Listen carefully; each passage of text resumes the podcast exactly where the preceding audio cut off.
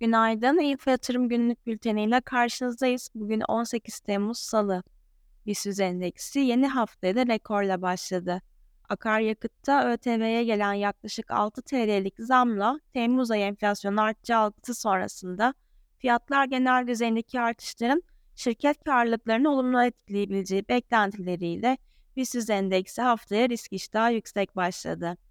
Zam haberlerinden önce geçen hafta Cuma günü açıklanan Türkiye Cumhuriyet Merkez Bankası tarafından piyasa katılımcıları anketinde yıl sonu tüfe beklentisi %38,6'dan %43,8'e revize edilmişti. Cumhurbaşkanı Erdoğan'ın Körfez ziyaretleri başladı. Erdoğan 19 Temmuz'a kadar Birleşik Arap Emirlikleri, Arabistan, Katar ve Kuzey Kıbrıs Türk Cumhuriyeti ziyaretlerini gerçekleştirecek.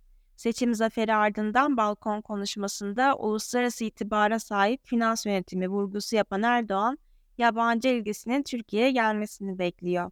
NATO Liderler Zirvesi ardından Erdoğan'ın ziyaret haberlerinin fiyatlamalar içine girdiğini düşünüyoruz. Ayrıca yapılacak görüşmelerin yapılacak anlaşmalarla fon girişi açısından pozitif olacağı kanaatindeyiz. Olası bir para girişi ve turizm gelirleri dolar kurundaki baskıyı hafifletecek olsa da Türkiye'nin dış borç ödemelerinin yaklaşması bu durumu sınırlayıcı unsurlar arasında yer alıyor.